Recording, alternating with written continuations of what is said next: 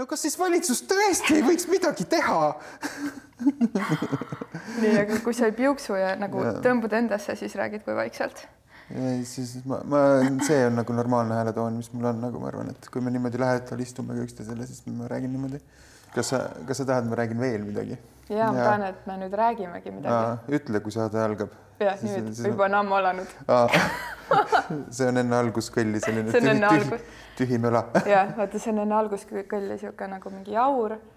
siin, et sa võid praegu jaurata. ma ei taha enam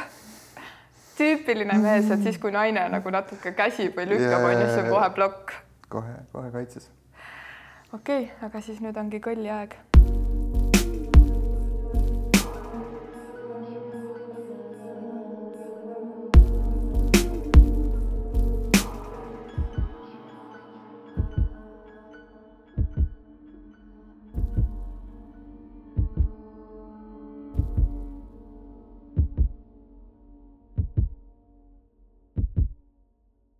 sass äh, lihtsalt, et oleks kuidagi äh, kuulajatel teada, miks me ilmselt vahepeal suudame ka kämada või jaurata ja siis kuidagi noh, vaatame, kuidas läheb. et infoks äh,, infoks see, et, et me teame üksteist äh, kuskilt kaugemalt, et me ei kohtu täna esimest korda. nii et äh, kuulajatele teadmiseks. me kohtusime üheksateist aastat tagasi, kaks tuhat kolm esimest korda vist. just.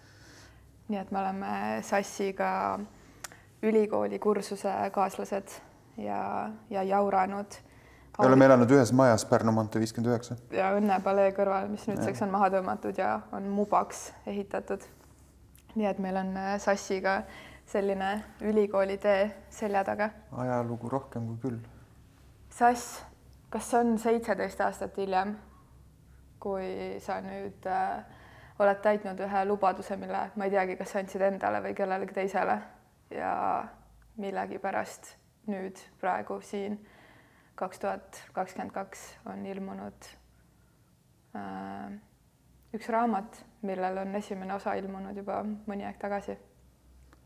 jah, ega sellel on kaks vastust, üks on hästi poeetiline, et no vaatasin tegemata töödele tagasi ja sain see sügis nelikümmend ja see on mehe elus oluline verstapost ja, ja mõtlesin, et kuidas seda siis tähistada, kui mitte vanade lubaduste täitmisega. aga teine põhjus on hästi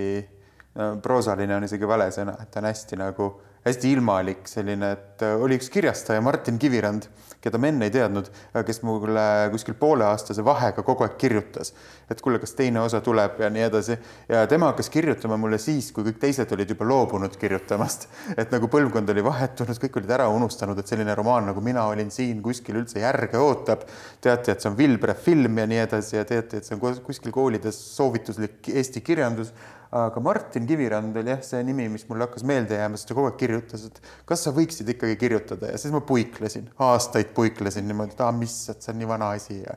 ja siis vahepeal, vahepeal olin hästi suureline ja ütlesin, et kuule, leia mingi noor autor, kes on sama vihane, nagu ma siis olin, et las tema kirjutab, et noh, et las nagu noh, ma annan lihtsalt frantsiisi, et võtku needsamad tegelased ja võtku seesama pealkiri ja tehku nagu oma põlvkonna lugu sellest. ja siis ta tõi mulle mingeid noore, noorte autorite kirjutatud tekste ja siis nagu ma lugesin neid ja siis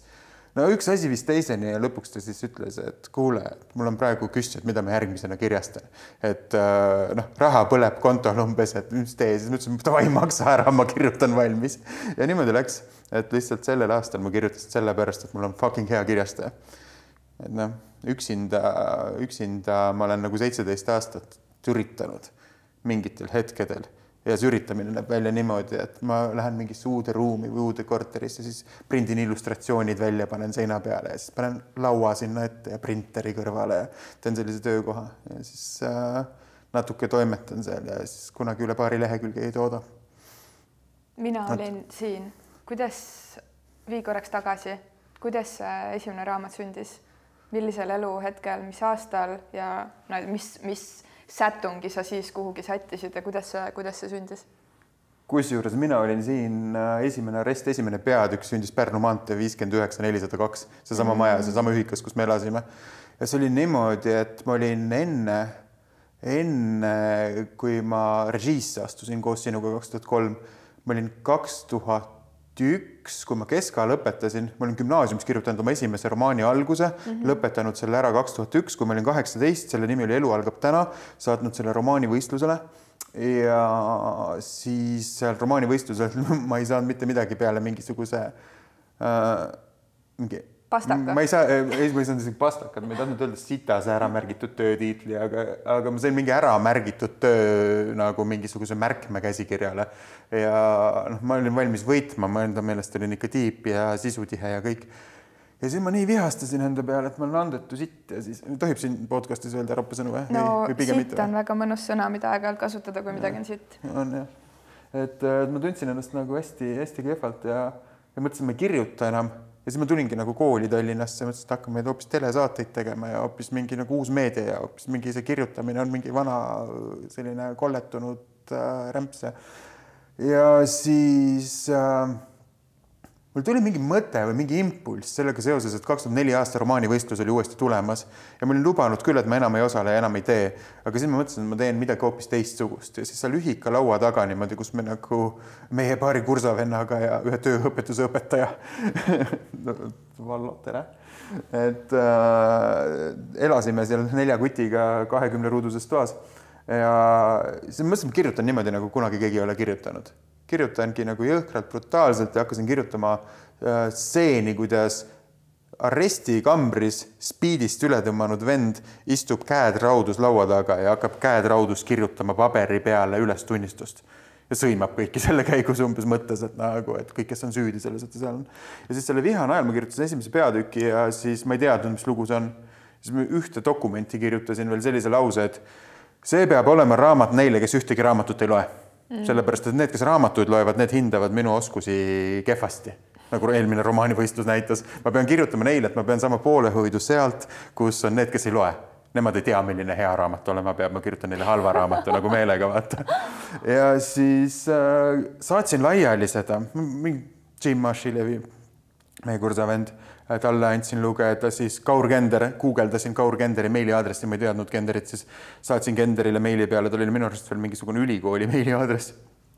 Kender vastas, appi kui äge asi, et umbes mingisugune, mis asi see on nagu, et kes sa oled, saame kokku ja lähme, kaheksa oli siis Hollywoodi all see mingisugune. me oleme sass nii vanad, et siis oli kaheksa. siis oli kaheksa jah ja siis läksime Kauriga sinna ja Kauri, saime nagu Kauriga tuttavaks ja siis mul oli oh,, Kaur Kender on minu sõber ja siis tema ütles, et kirjuta kindlasti edasi. ma ütlesin, Kaur, ma hakkan iga õhtu sulle peatükke saatma. Kaur ütles,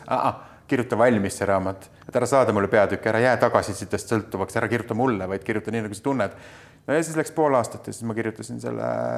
mina olin siin esimese aresti nagu, mõtlesingi välja loo noortest pättidest, inspireerituna minu ja minu venna lapsepõlvest kuskil Tartu Annelinna rajoonis That's, that's the story behind. sa ütlesid, et äh, seal ühikatoas sellel hetkel, kui see torust tuli, et sa olid vihane, mis, äh, mis see koht seal elus oli, jah, me käisime ühel kursusel on ju, ma sind palju koolis ei näinud esimese aasta jooksul, aga nagu mis, äh, et on justkui tunne, et me nagu teame üksteist, on ju, et me nägime vahepeal ja et, et meil on ka äh, väga ühtehoidev kursus olnud, mis on haruldane, ma arvan, et, et väga kuidagi noh, selline ühtehoidev, hoidev kursus, nagu meil oli, on ikkagi suur-suur kingitus olnud. aga samal ajal ma arvan, et me ei teadnud ikka väga palju, mis meie eludes toimus. kes see sass oli seal sellel, sellel ajal, sellel elu, eluperioodil, mis, mis see mis see elu oli, mida sa elasid, mis pani sind vihaselt võtma kätte piltlikult selle pastaka või arvuti? tead, ega no see taust on võib-olla see, et ma olen alati olnud see suur minemakõndija poiss, et ma kõndisin oma sellest Tartu elust ära. et minu lugu oli, see hariduslugu oli see, et ma Tartus läksin esimese soojaga reklaami arvutigraafikat õppima ja ja seal kuidagi ei haakunud üldse ära sellega, et peame tuhatükk või selle söetükiga mingit klaasipudelit joonistama ja ja siis ma olin nagu kuidagi, ma olin ikkagi selline nagu Tartus selline dressidega vend onju. ja siis äh, ma sain eksmati sealt kunstikoolist ja siis kuidagi, kuidagi plähmerdasin ringi, lihtsalt tegin Läksin sellised Eesti, Eesti teine reality show, esimene oli see mingisugune üksiku saare Robinsonid ja teine oli salasuhe, vaata see puhkus Meksikos formaat. no meil on ju kogu ülikooli aja oli nali salasuhte sass onju. see, see kahjuks ei olnud ainult ülikoolis, see oli igal pool Õhtulehes ja igal pool oli salasuhte sass, et enne kui ma olin kirjanik sass, enne siis ma olin salasuhte sass. ja siis nagu seal ma nägin, et tele on lahe kui kaamera töötab, on lahe, kui režissöör kamandab kuidagi teisi seal platsi peal, et see on lahe, et siis mul tuli mõte nagu Tallinnasse tulla. aga see viha pigem on nagu, tead, see on selline selline, ma ei tea, ealine iseärasus või just ealine normaalsus, et vaata, kui sa nagu näidelda ei oska, siis kõige lihtsam on näidelda hästi ekstravertset tüüpi, on ju, mingisugune karjuda, teha tseeni, on ju, minna oma tavarollist välja, kirjutamisega on sama asi. et kui sa nagu noh, mina ei oska olla nagu taktitundeline või peenetundeline, et siis nagu raevutseda ja alustada raamatut, et värdjad, munnid, lojaalsed koerad, kärnased täis sittunud kotte lakkuvad koerad, mis oli selline nagu politseinikele suunatud selline vihapurse et see, see tuli nagu lihtsalt selle nagu noh, eristuvussoovi pealt või et seal ei olnud nagu seda, et nagu ma oleks käinud ülikooli ajal, ma ei tea, rusikas taskus ja mõelnud, et no, viskaks mingi mendi auto akna sisse või noh, et et see sellist nagu sellist nagu sellist nagu raevu ei olnud, aga pigem see oli selline nagu noore mehe kuidagi või sellise sellise teismeea selline nagu bravuur või midagi et Leebe ei töötanud, Elu algab täna oli väga ilusasti ja leebelt kirjutatud lugu ja Leebe ei töötanud ja siis ma tahtsin olla selline fa-fa-fa, ma ropendan. nüüd äh, teine osa, kas see sai ka kuidagi mingi viha pealt kirjutatud või kus, kui sa mõtled nüüd selle sassi peale, kes, kes täna kirjutas, kus, äh, kus see sass praegu omadega on? tead, ikka ma üritasin kontakti saada üritasin saada kätte, kätte mingisugust sellist, sellist, sellist jäist külmust või sellist üksindustunnet. mind on elu hoidnud terve elu nagu sitta pilpa peal nagu selles mõttes, et mul on nagu nii hästi läinud, et mul on nagu kogu aeg tore olnud, aga ma üritasin kuskilt selle teise osa kirjutamise ajal kätte saada sellise nagu sellise mahajäetuse, üksinduse ja mitte kuhugi kuuluvuse tunde, et ma suudaks mingitki moodi seda biiti nagu hoida, sest äh, sest noh, premise oli lihtne, et esimene osa lõppes ära kuskil äh, aastal äh, tuhat üheksasada üheksakümmend üheksa tegevustik jõulude ajal, teine osa hakkab millenniumi vahetusega uuesti pihta, onju, et see on ikkagi see vana aeg, mida ma enam ei mäleta. Okei okay,, ma mäletan, et meil olid telefonid nuppudega, telefonis oli ussimäng ja mm -hmm. ma mäletan mingisuguseid selliseid asju, aga ma ei mäleta, palju maksis viinapudel näiteks, et jumala palju asju pidin guugeldama et äh, kuidagi nagu kontakti saada, ma nagu otsisin seda nagu seda üksindustunnet, vaata üksindustunde peale saab nagu viha ehitada, et keegi nagu, keegi nagu ei armasta mind ja seal teise osa teema ongi see, et et see armastuse puudumine on seal ikkagi kuidagi sees. aga jaa, raske oli, et ei olnud nagu, ei ole seda osa minust nagu kuskil nähtaval praegu enam. see neljakümne aastaselt seitsmeteistaastast kirjutada on raske miks äh, teine osa ei tulnud äh, neljakümne aastase tüübi pealt, miks äh, raamatusse ei tulnud seitseteist aastat pausi? see on nii hea küsimus, see on see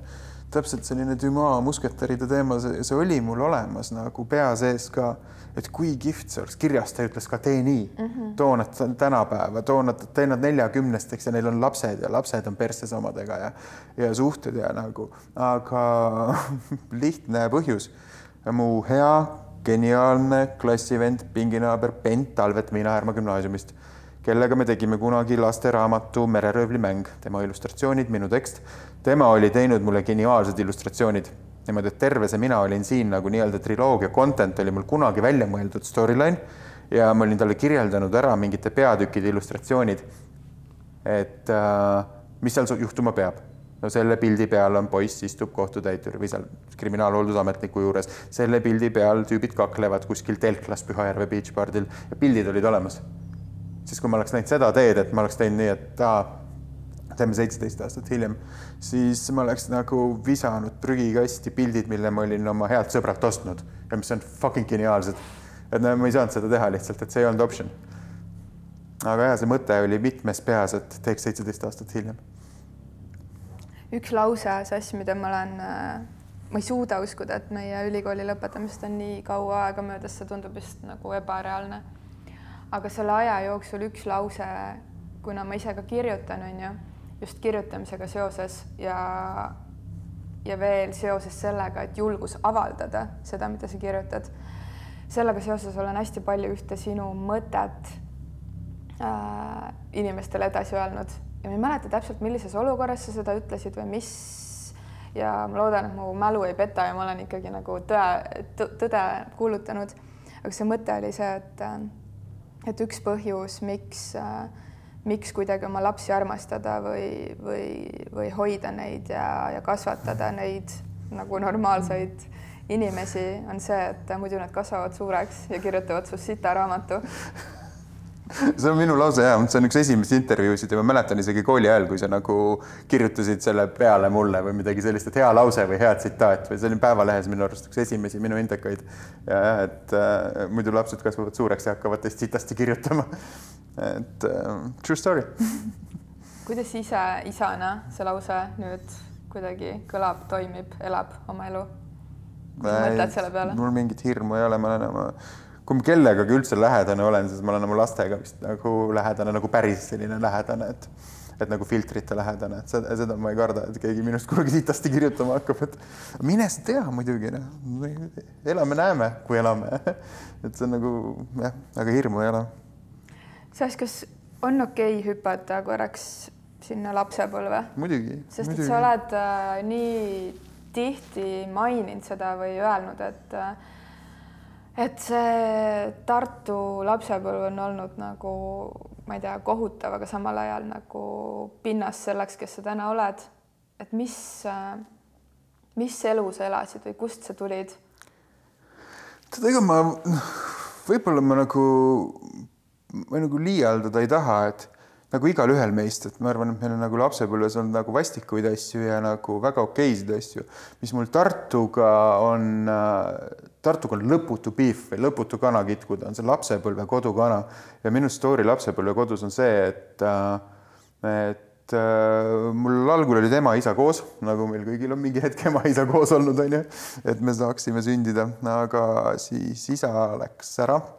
ja ma jäin emaga kahekesi ja siis mu ema oli selline noh, ta ei olnud pedagoogiliselt kuigi nagu tark või ta ei olnud nagu, nagu emotsionaalselt intelligentne inimene, et et äh, tema oli selline füüsiliselt karistav lapsevanem. Ja ma ei mõtle nüüd niimoodi, et mul oleks keegi hambad välja peksnud väiksena, aga mul oli nagu selline, et noh, et meie sellise suhtluse juurde emaga kuulusid sellised tutistamised, tõuklemised, litsilaksud vastu põske, kui ma nagu midagi vastu haukusin või sellised hästi nagu noh hästi nagu sellised nõmedad, alandavad kasvatus nagu meetodid. Ja ma arvan, et nagu ja minul, minus on nagu, ma mäletan nagu tohutut sellist väljapääsmatustunnet ja viha oma nagu lapsepõlvekodust, et ma ei saa ära minna. Et ma üritasin kolmeaastaselt, kuueaastaselt kogu aeg riidesse panna, kuskile tänavale joosta, nagu kodust ära minna nagu, sest see nagu see kuidagi alandus oli, see alandustunne on mul hästi tugevalt sees nagu.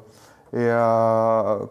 nagu see teadmine, et ma lasen siit kuradi pellikust jalga nii ruttu kui võimalik, see oli mul, ma arvan, juba kuskil sellise kuue-seitsmeaastaselt selge, et lihtsalt nagu käisin vanaemade juures, küsisin, kas ma ei saaks sinna elama jääda ja vanaemad olid, sa võid ju siin käia nagu nii palju, kui tahad, et noh, lihtsalt tahtsin ema juurest ära saada. sellepärast, et äh, noh, mul emal on tõenäoliselt nagu hästi puhtakujuline nartsissistlik isiksuse häire, et ta nagu, ta nagu on täiesti nagu võimetu aru saama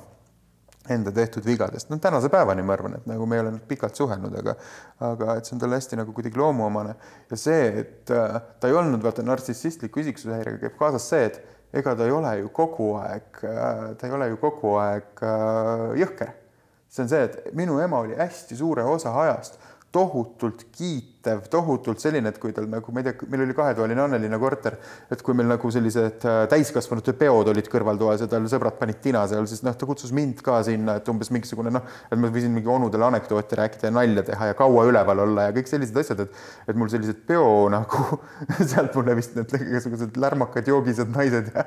ja siis nagu sellised kuldskett kaelas mehed ongi meeldima hakanud nendest ema mingi kõrvaltoa pidadest. et äh, ja noh ja siis ta oli selline, et oi, et nagu ta kutsus mind sassuks nagu hellitavalt, mis on nagu õige trigger mul tänapäevani olnud, onju, et kui keegi niimoodi ütleb. ja siis äh, no kiitis, et oi, sass on nii andekas, sass on nii tubli ja sass oskab anekdoote rääkida, sass tee nalja ja selline. Ja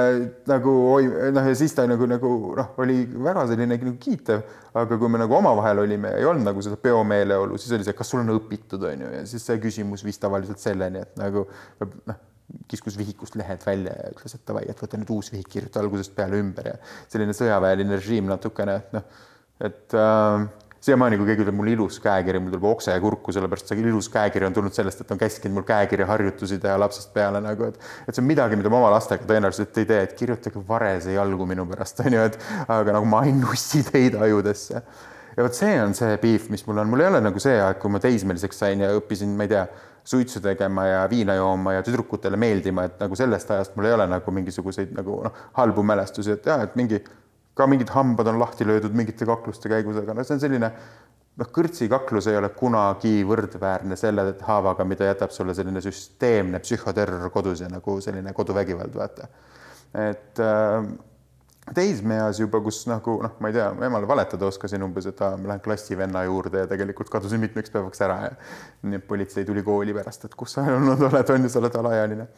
ma elan koos naisega mitte ma ei ela enam oma ema juures. et no sellised asjad on juba nagu sellised naljakad olnud, et aga jah, mul on see lapsepõlvekodu nagu haav on siiamaani nagu kaasas kuidagi ja siis mingid terapeudid on mulle elus öelnud, et kuule, paranda see ära või tee see rahu ja mul on olnud alati selle peale, et käige vittu, et ma ei taha seda rahu, on ju, et see on osa minust. et mis ma teen selle rahuga? et mul on nagu see koht, et, et mul võtan kogu aeg kaasa endaga seda, et nagu enda lapsega, kes sõltub sinust, sa pead käituma, nagu ta oleks nagu lugupidamist väärt inimene, nagu ta oleks su sõber, vaata. Muidugi sa pead talle piirid seadma ja sa pead talle ehitama mingisugused reeglid ümber, vaata, laps sulle reegleid ei ehita, onju. aga see kuradi nõukogudeaegne pask, et laps on nagu mingi asi, keda tuleb nagu ma ei tea, sakutada või noomida või ebalugupidava häälega temaga rääkida. jube perses jube perses, et nagu ma selle, seda nagu ja ma ei taha kunagi endaga kaasa võtta mingit sellise, sellise määra nagu andestust, et äh, et ma ei tea, minu ema lihtsalt ei osanud teisiti. mis kuradi excuse see on nagu, et ma ei taha nagu sinna jõuda kunagi, et ma hakkan õigustama sellist asja. täiskasvanu vastutus on osata teha, mitte teisi katki. täiskasvanu vastutus ongi see, et sa oskad osaleda kuradi ühiskondlikes tavalistes protsessides onju et noh, lapsena viskame nagu bussi poriga onju või mingi lumekuuliga onju, et siis laps ei osanud teisiti, tegi nalja onju, kui täiskasvanuna loobime kuradi autosid täie kõrval, noh, ma ei tea, poriga, me oleme debiilikud ju, aga lapse kasvatamisesse me seda ei laienda onju. et see on nagu see, see on see minu Tartu teema, aga muidu Tartu kõik see nagu see nagu juba tänavaelu ja see, see oli väga kihvt. poodides vargil käia sõpradega kolmeteistaastaselt ja suurustada, kes rohkem nätsu sai, oli nagu väga äge kuule, mis, mis värk sellega on, et me kõik ikkagi teismelisena korra, korra või paar või rohkem vargil peame käima? ma ei tea, tõesti ei tea, ma tean inimesi, kes ei käi vargil teismelisena, nad on, kuskil olemas siin ühiskonnas. Te võite kirjutada Elinale, kui te seda saadet kuulate, et kuidas te ei ole kunagi vargil käinud. aga ma arvan, et need, kes vargil käivad, neis on olemas mingi teatud annus seda piiride nihutajat mis sa naerad? no mina loomulikult olen ka Vargil käinud ja kusjuures ma selle nii-öelda klattisin ära, et ma tundsin, et mingitel inimestel on ikka veel see trump taskus, et ühel hetkel nagu kui ma ei tea, ma tulen avalikult uue raamatuga välja või midagi, siis keegi saab kuskil nagu Delfis öelda, aga Elina, aga Elina on Vargil käinud, siis mõtlesin ma nagu, et sellest tuleb ise avalikult rääkida, onju. ja kuna ma oma üheksanda klassi lõpuaktusel Kunda koolis äh, toona kohal ei käinud, sest ma valisin olla võrkpallivõistlustel Soomes, siis nüüd ma käisin esimest korda kooli vilistluskokkutulekul, pidasin kõne ja ühtlasi seal ka rääkisin selle loo, kuidas me Stockmannist varastasime lahtiseid komme ripsmekoolutaja. see oli nagu sitaks hea tunne öelda seal seda kõigi ees. nii et see on nüüd mu ka järgmise raamatu nii-öelda esimese loo sisse äh, kirjutatud väga,, väga-väga mõnus.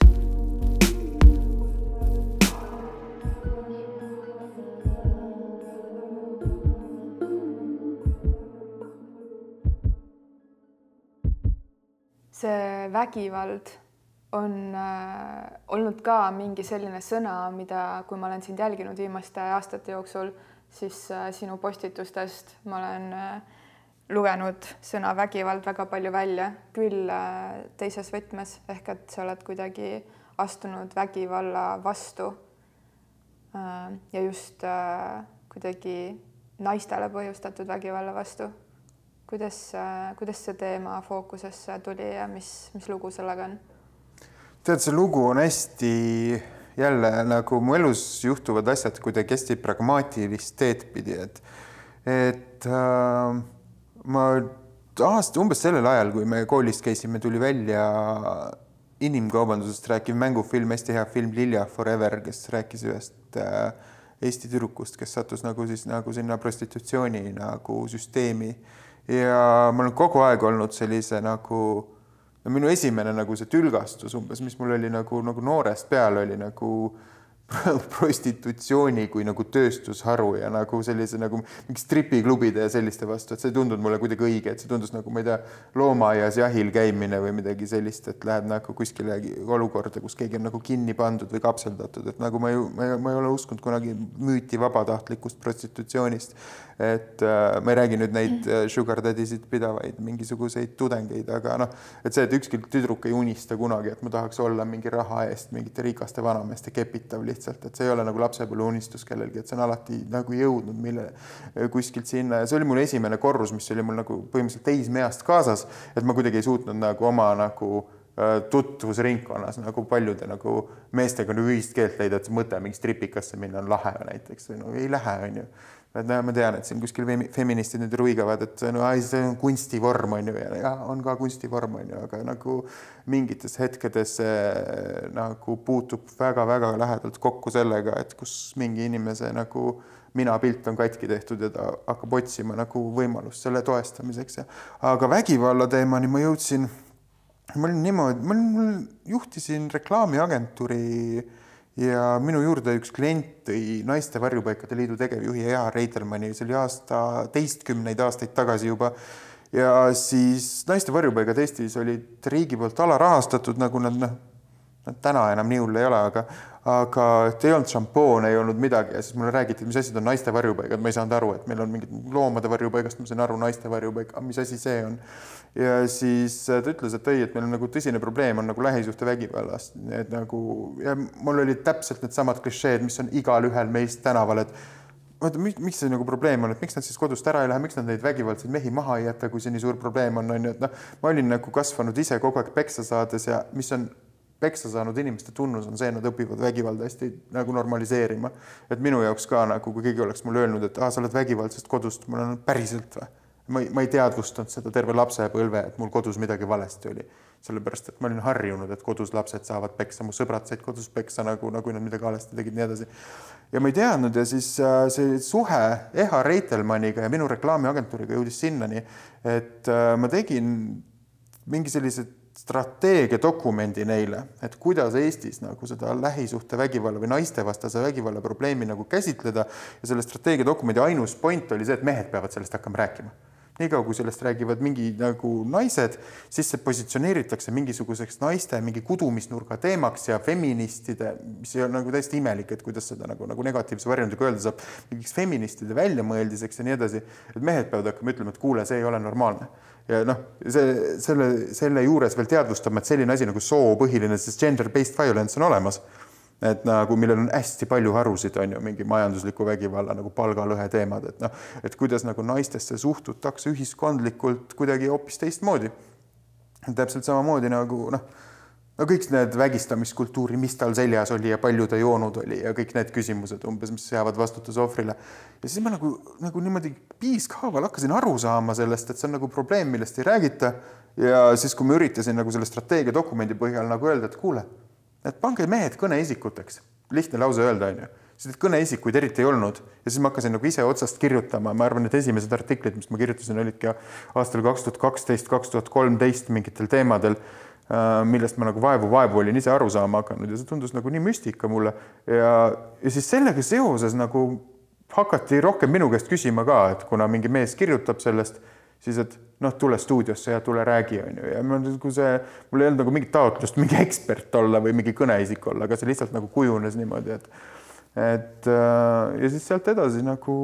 noh, ma kuidagi olen sinna teemasse jäänud, et kui mingi asi ühiskonnas aset leiab, mingi minister peksab oma naist, on ju, ja ütleb, et ta tegelikult ei peksa, on ju, no siis ma olen juba selles positsioonis, et davai, sa asju ütle midagi siis ma kirjutan kuradi naisepekse onju, siis käin kohtus selle teemaga pärast kaks aastat onju. et noh, et ma olen nagu selle rolli omaks võtnud, et ju see on siis minu asi rääkida, aga see tuli minu juurde mitte kuskilt sügavalt südamest, vaid nagu sellise, kurat, võtaks, keegi võiks ju rääkida. noh, et. mis need kümmekond aastat on sulle Eesti, Eesti inimeste tervise kohta öelnud? Eesti inimeste tervise kohta või? vaimse, füüsilise, mis räägib armastusest? Kuule, mulle see wokeness periood praegu räigelt meeldib, et selles mõttes, et see, see teadvustamine, et üldse nagu mingi vaimne tervis on, on nagu teemaväljas, see on minu arust nagu viimase nagu kümnekonna aasta nagu silmnähtav tulemus, et, et, et nagu üha harvem nagu on neid vestlusi, et kui ma ei tea, sõber läheb teraapiasse, siis sa küsid, mis sul juhtus või mis sul viga on, vaid öeldud, aa, okei okay,, sa tegeled endaga, onju, et sa nagu uurid. üha nagu vähem on seda, et kui keegi krõbistab nagu ma ei tea, antidepressante nagu äh, lihtsalt selleks, et oma nagu ajukeemiat natuke reguleerida, et funktsioneerida, siis ei ole nagu see, et et sa oled invaliid, et ma ei tea, kas sul autojuhiload peaks olema või midagi, et ma arvan, et see kuidagi, see läheb, läheb järjest paremaks, et see nagu kuskil muidugi on mingi pisike osa sellist sellist nagu, nagu ohupilti ka, et, et nagu ma ei tea, ma jälgin Instagramis mingit meeletut kogust mingisugust nagu uudis, mingit meeletult suurt uudisvoogu ja seal vahepeal nagu jääbki mulje, et et noh, et ka mingi vaimse tervise probleeme saab ravida, ma ei tea, hingamisharjutustega või nii, et noh, see päris nagu nii üks-ühele ei tohiks olla, et et seal on nagu see oht, et need inimesed, kes tegelikult on nagu väga hädas ja siis vaatavad, et noh, hingasin ju küll ja tegin ju küll joogat, aga näed, depressioon ei lähe ära, on ju, et siis tunnevad ennast kuidagi nagu nagu läbikukkunu või saamatuna, et noh, aga aga ma arvan, et järjest paremaks läheb, mida rohkem me räägime, paremaks läheb, mida rohkem me normaliseerime. ma räägin kogu aeg seda kõigile, et äh, mingi, ma olen, ma olen ise ka nagu rohtude peal elan, põhimõtteliselt antidepressantide peal elan. Ja ei saa lihtsalt teistmoodi, mu aju on niimoodi ehitatud ja ma pean niimoodi elama, sellepärast et nagu kui ma ei ela, siis ma olen nagu, ma olen nagu halvas kohas endaga ja siis ma olen nagu võib-olla ma ei saaks elada mul on nii palju mõtteid ja ma tahaks nagu ümber lükata ka mingeid su arusaamu, mis ei ole minu roll täna siin ja kuidagi nagu vaadata mingite teemade sisse, nii põnev lihtsalt on vestelda sinuga ja samal ajal ma täiega austan su seisukohti ja kuulatangi nii huviga, et kuidas sa, kuidas sa näed maailma. aga väike mõte lihtsalt siit, et et mina kuidagi tunnen just, et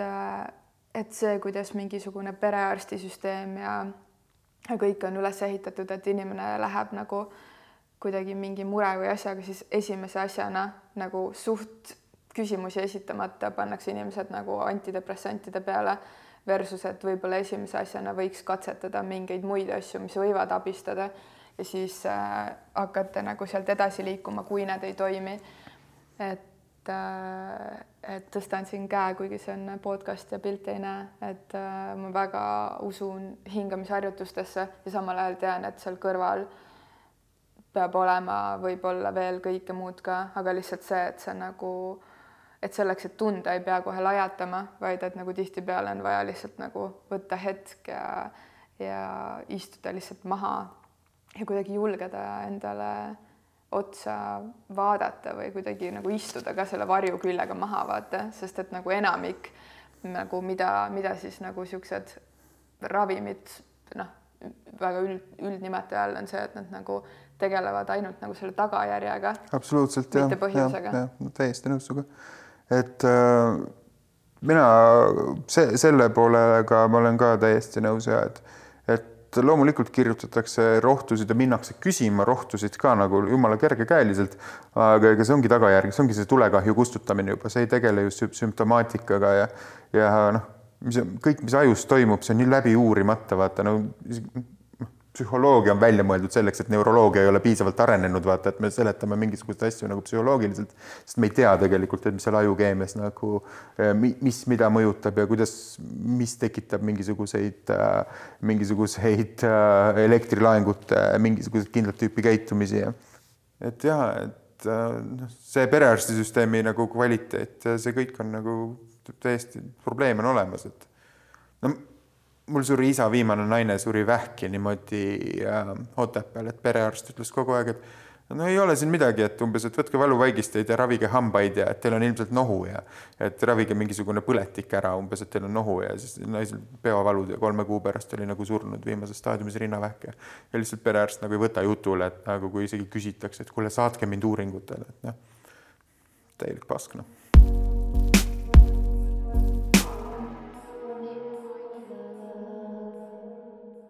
aga Sass, kuidas selle eluga üldse edasi minna praegu sellest hetkest? sul tuli äh, raamat välja, mis tähendab, et äh, et sinu päevad ja nädalad on ilmselt praegu täidetud, ma arvan, mingis mõttes nagu natuke promoga, natuke mingisuguse levi, levi kõigega ja, ja nagu ikka see, see elu kuidagi käib, on ju, et huvi tuntakse siis jälle tegelaste vastu, kui nad nagu midagi üllitavad ja vahepeal noh, nad on lihtsalt tegelased, kellest pole mõtet rääkida siis äh, siis mis äh, ma ei tea, mitte et sa ei võiks praegu hetkes püsida ja reaalselt nautida seda, aga mis edasi, kuidas edasi? ei tunne survet, ei tunne, ei tunne survet, et täpselt, täpselt need mõtted, mis mul olid seitseteist aastat tagasi, on praegu ka, et äkki peaks järgmise osa kirjutama, äkki teeks ühe soojaga ära ma mõtlen, et äh, äkki peaks hoopis koolides käima, rääkima mingisugustest muudest asjadest, äh, mis ma oma talvega teen, pole õrna aimugi. et minu igapäevatöö on nagu, mõtlen reklaami ja turunduslahendusi oma klientidele ja, ja aga mis ma selle kõrvale teen, ma ei tea. ongi see hetkes olemine vist, et ma nagu ei põe enam üle, et minu arust on tore, et ta välja tuli. siiamaani ei usu no,, nagu naljakas on issand, ongi selline asi või? tegingi seitseteist aastat hiljem ja nagu noh, ei muretse üle. ma kirjutasin järelsõna sellele raamatule ka ja juba sellise, et, et kui see kolmas aasta osa tuleb seitsmeteist aasta pärast, see on isegi ülikõva et, et ei ole enam seda kahekümne kahe aastase poisi nagu, poisi nagu seda krampi, et ah, jõuludeks pean välja andma või kellelegi lubama või ei luba enam midagi, vaatame hästi-hästi chill on. kas salaja unistad, et tuleb film ka või? Ma ei tea, nagu filmist ma ei unista, aga tead, millest ma salaja unistan? minu märg unenägu seoses selle Mina olin siiniga Netflixi sari. et kui ma kirjutasin teda, ma kirjutasin sündmuste takti nagu hästi tihedaks, et nagu igas peatükis oleks nagu, nagu episoodi jagu sündmusi niimoodi, et seal nagu need suhted nagu põimuks, need konfliktid põimuks, iga asi viiks millenegi. et ma kirjutasin teda pea sees, nagu ma kirjutaks nagu mingit Netflixi sarja nagu sünopsist et nagu mitte nii nagu range ülesehitusega, aga et seal oleks piisavalt tegelasi, kelle peale ehitada ja seal oleks piisavalt nagu cliffhanger eid või asju, et nagu ähm, see oleks unistus. sarja tahaks. kui Ilmar Raagi klassist tuli sari, mulle nii meeldis mm.. hüpates veel sinu argipäeva, minu jaoks on nagu ja jälle sind teadmata, tundmata mm. lähe, lähedalt onju on nagu täielik müst-, Sass Henno on minu jaoks täielik müstika, et see nagu, millega Sass tegeleb või kui ma korraks sind näen kuskil, ma ei tea, äh, kohvikus või tänaval või nii, siis, siis et kas sa lähed kuskilt äh, Rootsist mingit jahti tooma või sa nagu just müüsid äh, mingi äsja ostetud, aga just müüsid maha oma Hiiumaa krundi või siis, et nagu mingisugune ja siis ma nii, et nagu ma üldse ei tea, millega see mees tegeleb. et nagu, millega sa igapäevaselt tegeled? see on see räpparite värk, on see hustlimine, vaata. et see ongi niimoodi, et kui, kui sa praegu kirjeldad, siis ma nagu, ma nagu ise, ise ka mõtlen, et kurat, on jah palju asju. et nii, nii ongi, et nagu mingi paadiäri käib, mingisugune kinnisvaraäri käib, mingisugune äh, kõik, mis erutab, ongi nagu kuskile lähen mingit maatükki vaatama või korterit vaatama või midagi sellist, üritan saada odavalt, üritan müüa kallilt, onju. kuskil vaatan, kuskil vaatan mingisuguseid paate jälle, noh, täna hommikul kirjutasin sõbrale Facebooki just, et kui see Hispaania Beneteau tuleb müüki alla saja tonni, siis ma olen huvitatud, lähme vaatama. jälle mingi vaatan lennupileteid, kuidas parkasse lennata, siis ei tea veel üldse, kas mingi paat on seal või ei ole, vaata, et noh, et kuskil sõber kuulis, et üks inimene inimene tahab oma poodi nagu ära müüa ja ja selline on, on jah, selline täiesti naljakas elustiil. Ja mis mul igapäevaselt on, täna hommikul enne siia tulekut kirjutasin Tervis plussi ajakirja toimetajale, et sorry, ma saadan sulle kolumni üheteistkümneks ära, noh, nüüd kell on juba pärast ühteteist, kui me seda salvestame, onju. ma ei kirjutanud seda kolumnit lõpuni, aga mul on teadmine, et ma kirjutan ajuteadlastest seal, et noh, mingisugune märksõna oli paberi peal, et sa kirjutad ajust. Ja täpselt mingi tähtajad nagu kooli ajal olid nagu kogu aeg olid mingid asjad nagu tegemata või nagu miinuses või nagu see on täpselt samamoodi praegu ka sinu juurest lähen edasi kuskile Postimehe stuudiosse rääkima mingit, ma ei tea isegi, mis juttu, kirjandusjuttu vist. ja see on nagu selline, ma ei tea, mõnus elu, ma ütlen, elu hoiab mind nagu sitta pilpa peal, et kõik, mis ma teen, on kuidagi nagu endale ka nagu fun vahepeal no. tegin pelmeeni äri, onju mm. -hmm. tahtsin just küsida, mis bändi tegin vahepeal. pelmeenid on nii kalliks läinud, et süda läheb pahaks ei saa enam, ei saa enam kasumit teenida sest nagu kui ma müüsin kunagi kümne eurist pelmeeniportsu ja olin Eesti kallim pelmeeniärikas, siis nüüd ma peaks müüma mingit kahekümne ühe eurist pelmeeniportsu, mis oleks nagu eeldaks juba seda a la carte nagu formaati, et. ja mis räpiärist on saanud? kuule ikka ma aeg-ajalt teen mingile loole mingi salmi kuskil ja siis kuskil, ma ei tea, mingi Kadi raadio mängib seda, et, et nagu sellist nagu suurt, suurt äri ei tee, aga ei ole seda. kes kuulajatest ei tea, siis Viis Miinust ütle ise, jätka lause, kuidas, kuidas, kui palju, mis? kaks tuhat kuusteist kuni kaks tuhat üheksateist olin Viies Miinuses vokaal. ja sõnad? jah, ei kõiki sõnu ma ei teinud, et see on nagu see, see tuleb ära settle ida, et hästi palju arvatakse, mina kirjutasin Viie Miinusel laulutekste mm.. et tegelikult seal ikka kutid kirjutasid ise oma tekste ja et ma ei saa nagu, ma ei saa nagu võtta ei kreditit ega nagu vastutada, et et äh, siiamaani mul mingid heiterid kuskil kirjutavad nagu, panevad mulle teise tüübi laulusõnasid, et vaata, mis sa kirjutad ma ütlesin, see ei ole minu tekst, see on teise räppari tekst. aga ja, me kirjutasime kõik oma salmid nagu ise, vahepeal aitasime üksteist nagu mingite kohtadega, aga muidu oli ikkagi selline õige nagu tänavakultuur, et iga räppar ise oma sõnadega äh, minul on ka täna tähtaeg äh, ühele kolumnile. lased üle või? Äh,. ei lase üle kui me lõpetame siin, siis kirjutan selle ära. aga samal ajal ma tean, et ma ei saa minna Hispaaniasse saja tuhandest äh, mingisugust paati osta. kust sass saab sada tuhat, et minna paati ostma? võlgu võetakse kõik. kõik see jutt tuleb nagu, kui on vaja sadat tonni, tuleb sada tonni laenata. Kaur Kender kunagi, kusjuures sealsamas kaheksas aastaid tagasi onju, ütles mulle, et ma ütlesin midagi sellist, et et kurat, mul on tuhat krooni oleks vaja või tuhat krooni on puudu, onju. siis ta ütles, et noh, et see on tüüpiline nagu minu elu ka, et noh, et lihtsalt, et äh, see, kui sul on praegu puudu, ole valmis, et sul on eluaeg puudu. kas sul on tuhat puudu, kas sul on sada tuhat puudu, kas sul on sada milli puudu, kogu aeg on puudu. ja siis sa pead mõtlema, et see raha ei ole, see puudumine ei ole probleem, sa pead mõtlema, kust seda saada. ja kõige lihtsam on minna küsima kuskilt, vaata, kuule, mul on selline mõte, et oleks vaja. Lähed siis panka või kuskile see on ka mingi täielik see, et, et mäletan, et mingi hetk, kui meil oli kursa kokkutulek, siis ma ei tea, sa vist ütlesidki kinda, et, et sul ei ole raha, et jooki ostma, jooki osta praegu siin, kus me väljas oleme, aga et pärast lähme sinu juurde, et saame pelmeene teha, onju. ja siis ma näen sind kuu aega hiljem ja sa oled nagu, ma ei tea, ostnud mingi maatüki, paadi ja mingid asjad, siis ma olen nagu võimalik ainult Sassimaal, ma ei tea nagu, kuidas sa teed seda.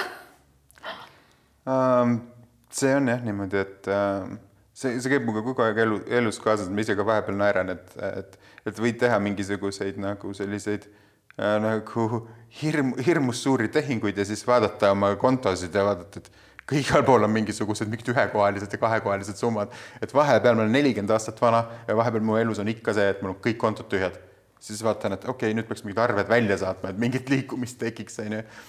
täiesti, täiesti story of my life, et nii, nii ongi, et nagu, et ühe, ühel, ühel kuul vaatad, et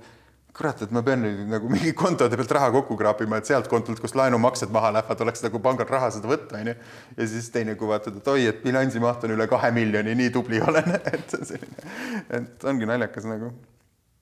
Aga see nagu suhtumine rahasse või see, see on pohhu, et tuleb alati välja mõelda midagi, see on mul lapsest peale olnud, et et kui lapsena ei olnud, siis läksin ka kuskil, vaatasin ajalehekuulutusi on ju, kus oli, ma ei tea, ehitusabitööd või mingisugune, kuskil oli vaja maad kaevata või mingit nagu mingit põõsaid rohida või võtsin kohe telefoni, helistasin, läksin kuskile nagu haltuurat tegema või noh, et kui võimalik oli raha eest aeda värvida või kuskil mingit kuuseheki latvu lõigata või midagi sellist, et siis nagu ma alati olen leidnud võimaluse teha midagi, mille eest makstakse raha. Kas sa oled valmis kõike tegema või nagu, kas sul on mingi tunne, et ai, et mina küll ei võta seda labidat kätte, ei hakka siin nagu seda mulda viskama või et nagu, et ei, et ma teen ainult siis, kui ma saan panna valge särgi selga või? ei, ei, ei mulle selles mõttes, et minu arust on nagu noh, on mingid väärikad tööd, et kas me nagu mingi raha eest kuskil, ma ei tea, eratelekanalis mingi siga nikuks otse-eetris nagu ilmselt mitte, et see on mingi oh my god see oli üks osa Black Mirrori seriaalis, see ei olnud minu väljamõeldis praegu, kus mingil poliitikul pressiti välja, et ta astuks seaga vahekorda nagu otse-eetris. see oli Black Mirrori seriaal, vaadake. ja aga et ma midagi sellist ei tee, aga minu jaoks sellist nagu, et must, vaata, võib-olla see on meie nagu selline režissööri geen ka, et ei ole nagu see, et must töö on olemas, et kui vaja, siis valgustan ise, kui vaja, võtan labida kätte, onju. et noh, mingi hetk on muidugi see, et, et targem on osta mingit tööd kelleltki ja ise teha seda raha, näiteks kirjutada seda oma neetud kolumn valmis, onju. aga mul sellist nagu, et must töö oleks kuidagi häbiväärne. mu esimene töö oli kaheteistaastaselt, ma olin majahoidja, korjasin enda viiekorrus sellise maja ümber koerasita junne. ilusad vene tüdrukud tegid turnikate peal suitsu, onju, ja naersid. See, et see on minu töö, ma korjan ise koera sitta, onju, ja noh, ma ei tea, ma pärast ostan ise suitsu endale selle raha eest et, et äh, minu arust ükski töö ei ole kuidagi häbiväärne, et häbiväärne on pigem nagu olla see, kellel nagu käed persest välja kasvavad või et sa ei saa midagi tehtud või et noh, et enne suren nälga, kui labida kätte võtan või noh, et mul ei ole sellist, minu arust töö on nagu teenimisvahend ja tuleb nagu ära teha ja jah, et ei taha nagu valge särgi tööd ainult. Ehitust tahtsin õppima minna ju, õnneks inimesed ütlesid, et see on loll mõte, et nagu, aga mul on tõesti neljakümne aastaselt selline tunne, et ma lähen kutsekooli ehitust õppima, et. kas see on niisugune keskea kriisi mõte? muidugi mis see keskea kriis äh, tähendab? kas sa saad öelda, oskad sa seda sõnastada? see on see, kui puberteedikriisil on uut nime vaja et teemad on ikka needsamad, et tahaks ju, tahaks ju täiel rinnal elada ja tahaks olla nagu aktsepteeritud ja tunnustatud ja tahaks olla nagu, tahaks olla nagu juba nagu suur ja oluline, aga lihtsalt need nagu meetodid on teised. et ma nagu kogu aeg mõtlen, et mida ma võiks veel teha et nagu see on selline, see on natuke selline ATH brain ka võib-olla, et aga, et mis asi see, mis asi see veel oleks, et noh, ongi see, et üks päev mõtled, et ehitaks maja. siis mõtlen, et ei, et see võtab liiga kaua aega, onju. teeks mingi uue loenguprojekti.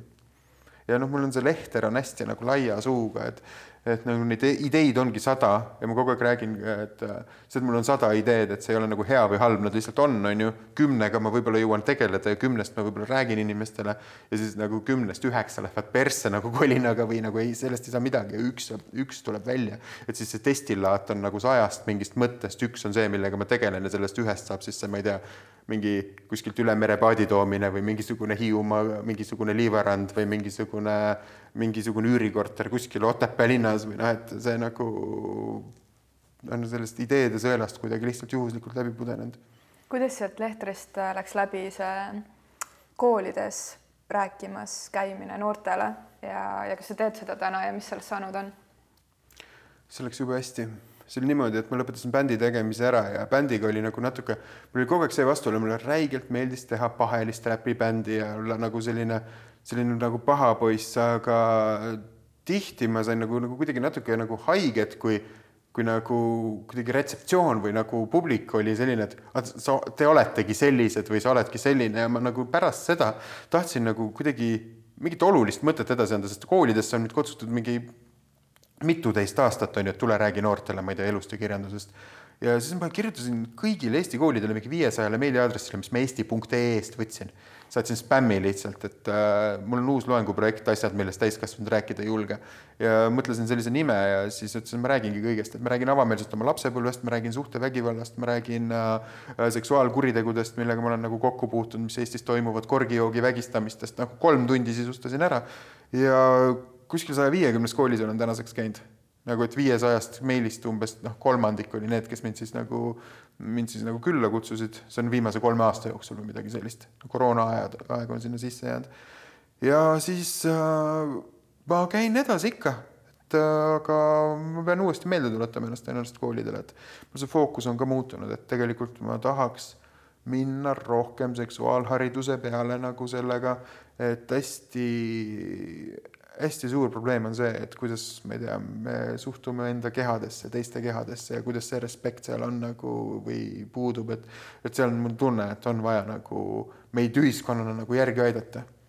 ma tahaks siia tagasi tulla, aga hüppan veel korra oma eelmise küsimuse jätku juurde, et äh, mis sulle koolidest vastu vaatas, mis seisus see tänane noor on, kui vanadele sa neid loenguid andsid gümnaasiumis oleks? kõigile, kõigile, kõigile, kõige noorem sa... oli teine klass. Esimesele klassile tegin ka ühe tunni, mis oli puhtalt selline seksuaalkasvatus, et mis on keha, kuidas seda nagu tohib puutuda, kuidas seda ei tohi puutuda, sellist asja olen teinud esimestele ka. aga ma olen nagu seda asjad, millest täiskasvanud rääkida ei julge, kõige nooremad on teine klass ehk siis äh, seitsme-kaheksa-aastased.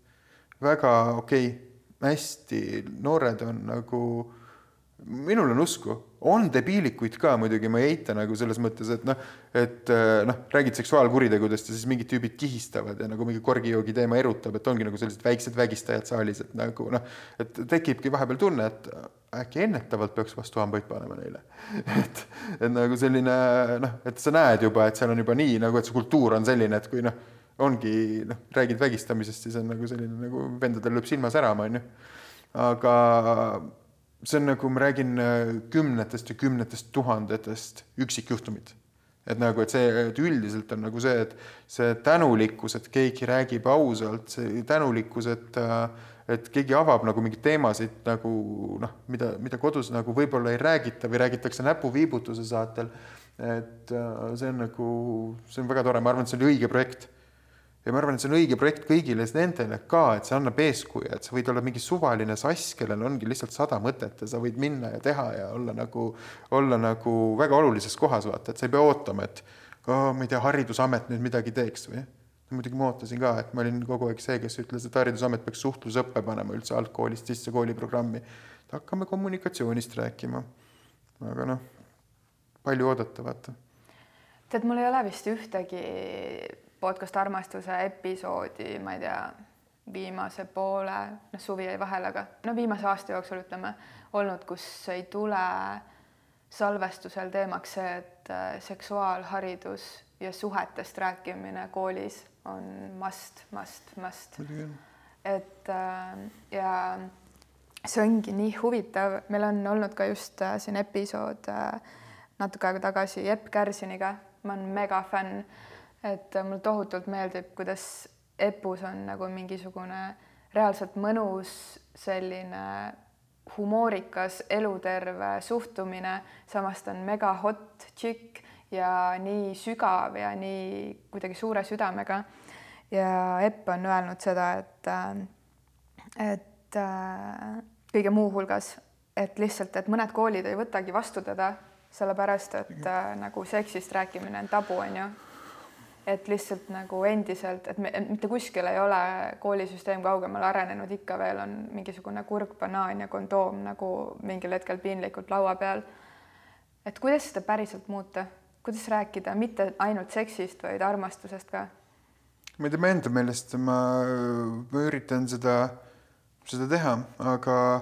no esiteks ma kogu aeg armastan seda seksuaalsust nagu defineerida nagu ümber, et, et seksuaalsusel on seksiga väga vähe seost, et see on suhe enda ja teiste kehadesse. ja kus see suhe hakkab, see suhe hakkab beebina peale, kuidas meid on koheldud, et kas me oleme saanud turvalist lähedust tunda, kas meid on nagu rahmeldades, ma ei tea, puhtaks pühitud, kui mähkmed, mähkmed vahetad, mähkmeid vahetades või nagu ma ei tea, kas meil on, ma ei tea, jope lukuga kõri luku vahele tõmmatud ja siis öeld, keegi pole vabandanud näiteks või et kas me oleme saanud kaasa selle signaali, et see, mis meie kehaga tehakse, on kuidagi nagu ma ei tea, pohhui või me oleme ka saanud kaasa selle, et meie keha on kuidagi nagu selline püha ja ta on täiesti austust vääriv ja seal on oma piirid ja nii edasi. et sealt kuidagi, ma arvan, hakkab see suhe nagu seksuaalsusesse üldsegi pihta. ja see armastus on äh,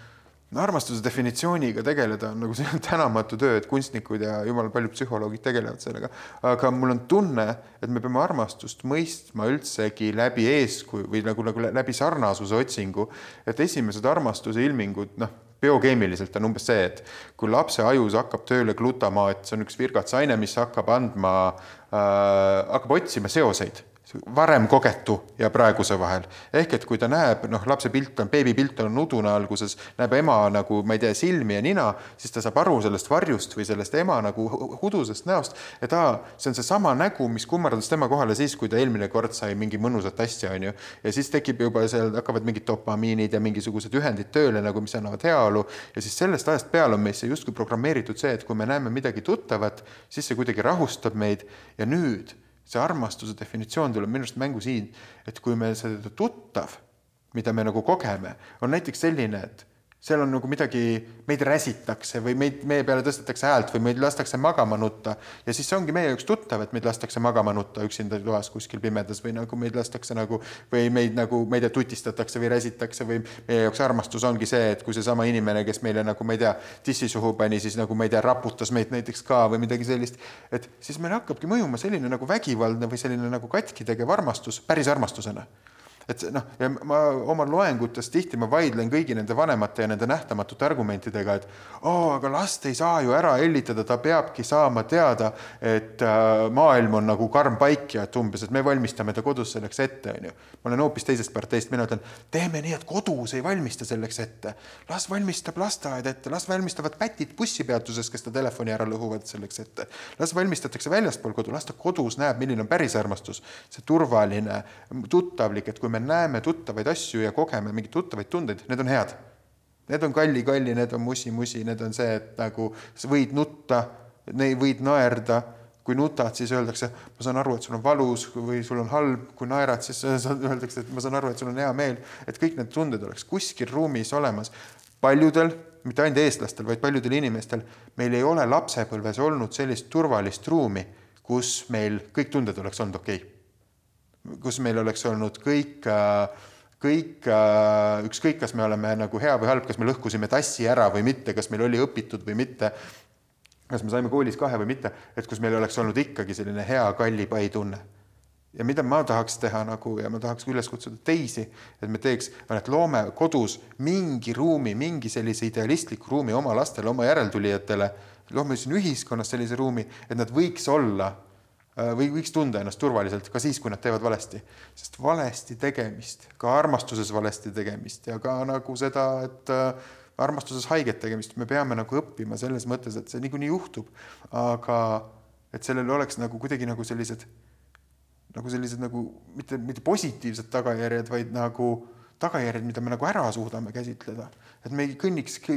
tulevikus nagu või noh, et me ei kõnniks ringi nagu, nagu minu põlvkonnas ma näen, et nagu elavad hülgamistraumad on ju kes siis klammerduvad suhetesse nagu meeleheitlikult, et neid nagu suhteid nagu mitte millegi hinna eest lahti lasta ja siis või teine variant on ju, lasevad neid suhteid järjest ja järjest ja järjest lahti, sellepärast et see lahtilaskmine ongi see, mis nad on kodust nagu õppinud, et ma parem lasen sellest lahti, sellepärast et nagu ma ei tea iial, mis see minule kaasa toob. liiga tiip või? ei, mulle meeldib kuulata. Practice what you preach, kas sa suudad ise kodus olla selline isa ja kuidas sa oma suhteid oskad hoida? Ma ei oska üldse oma suhteid hoida. ma ei oska üldse, mina, mina, mina arvan kogu aeg, et mina arvan kogu aeg, et kõik naised tahavad mulle haiget teha ja mina arvan kogu aeg, et et ma pean kodust ära jooksma ja mul on täpselt see,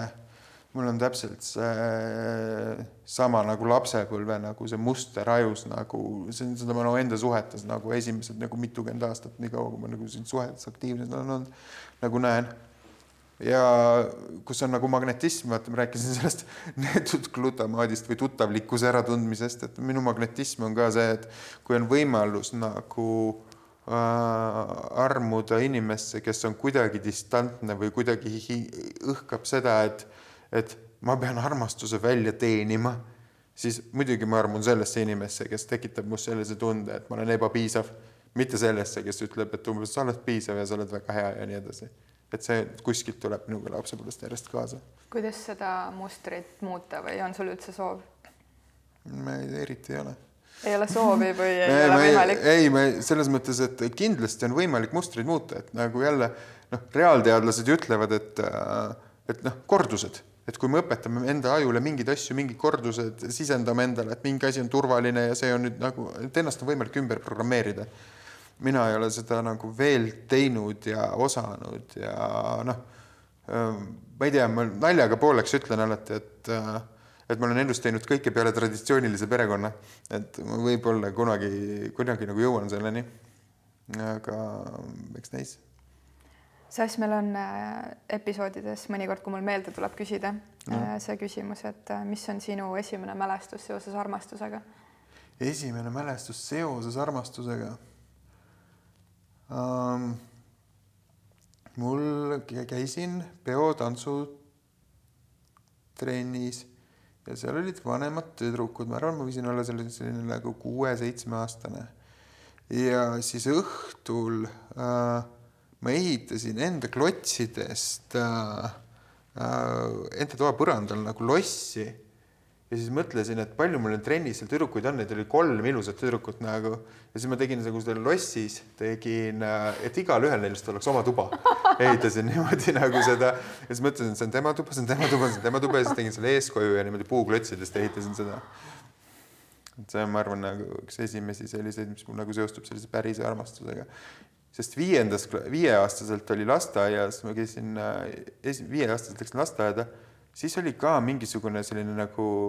selline tohutu pruudimajandus, et olid mingid tüdrukud, kellega me käisime kuskil paviljoni taga musi tegemas ja mingisugune selline äh, värk, aga ma arvan, et see ei olnud armastus, aga see lossi ehitamine niimoodi, et kõigil oleks oma tuba, et see oli, see, see oli midagi, mis oli nagu see päris mina, vaata juba seal, et see paviljoni taga viieaastaselt musitamine, see ei olnud veel eri, armastus. Kuule, kas on hea meel, et sa võtsid kutse vastu? muidugi, sinuga on nii tore rääkida alati, isegi kui me kuskil saame, ma ei tea, nokus kokku või lihtsalt nagu mingit pulli te, teeme või nagu noh, ikka vaata. ja sinuga safe ka vaata, kuna me oleme nagu, ma ei tea, mingisugune kakskümmend aastat nagu teame nagu kooliajast, siis on nagu palju lihtsam rääkida. seda, mis mind Postimehe sees ootab, ma näiteks ei tea, see on ikka natuke kõhe vaata, aga nagu sinuga Joonas Ellermaaga näiteks ka, kes on. kusjuures nüüd ma tahan siia lõppu öelda, ma tean, et te salvestasite Plektrumi ja ma nimme ei ole seda vaadanud, sellepärast et äh, ma just otsustasin, et kui meie episood läheb üles, siis ma saadan meie kursalisti siis kaks linki mm., üks on Plektrumi link ja teine on see link, et lihtsalt kõik, kes tahavad, saaksid äh, vaadata ja kuulata ja mul ei ole aimugi, milline teie vestlus oli, ma väga tahan seda vaadata mm., aga ma hoidsin ennast tagasi, et mitte seda teha enne, sest et äh, noh, ikka, et see tuleks nii, nagu tuleks, et yeah., et meie oleks meie ja teie olite teie, nii et ma nüüd, kui me oleme siin selle ära teinud, saan ka vaadata. ja kas ma tohin äh, ise siis nii-öelda selles osas, kelleks mina olen täna kasvanud, jagada ühe peegelduse või koduse ülesande sulle? no muidugi, sa võid kõike teha, see on sinu saade jah et äh, see trigerdab veits ka, sest see olen mina, onju. ja, ja sa võid trigerdada et äh, minu meelest äh, sa ise ütlesid välja ühe võtme nagu selleks, et kuidas äh,, kuidas äh, kuidas, kuidas edasi minna mingites olukordades äh, tervemana, kui, kui võib-olla siiamaani on läinud. ja, ja mul on tunne, seda kuidagi peale surumata, et see võti on andestus. meie vanemad on meid kasvatanud oma selle hetke parimas, mis sest, et see nende hetke parim võib-olla on olnud väga sitt sellel mm. hetkel, aga see on olnud nende selle hetke parim. ja mina olen ka oma emale nagu nii palju asju ette heitnud ja siiamaani nagu viskab nagu vahepeal lihtsalt üle mm., et nagu türa nagu, kuidas sa oled nagu niimoodi käitunud, ma olen ju mm -hmm. sinu tütar mm. -hmm. ja ma saan aru, et see ei abista mitte, mitte kuidagi ja ma nii siiralt usun, et andestus on ma ei taha öelda, et and-, noh, andestus ja armastus, aga et seal on nagu mingit sorti võrdusmärk on seal vahel ja võib-olla mul on tunne, et kuidagi, et nagu andestus on pinnas armastuseks või mingiks selliseks võimalikkuses, võimalikkuseks, kus kus kuidagi toimub vabanemine. sul võib olla õigus ja ma, ma ei pruugi olla võimeline sinna nagu küündima, aga kui ma ühel hetkel küündin, siis ma võin sinuga uuesti seda kogemust jagada, et kuidas see on nagu, aga ma arvan, et sul võib olla õigus, et see on nagu mingi asi, mis noh, mul on sein ees selle koha peal lihtsalt veel, et ma ei jõua nagu noh, sõnadest saan aru, umbes noogutan kaasa, aga kuskil emotsionaalsel tasandil on selline, et aga jutt jumala õige, et nagu selles mõttes, et ma nagu. nii et äh, viskan, viskan õhku. aitäh, võtan vastu aitäh, Sass sulle. aitäh sulle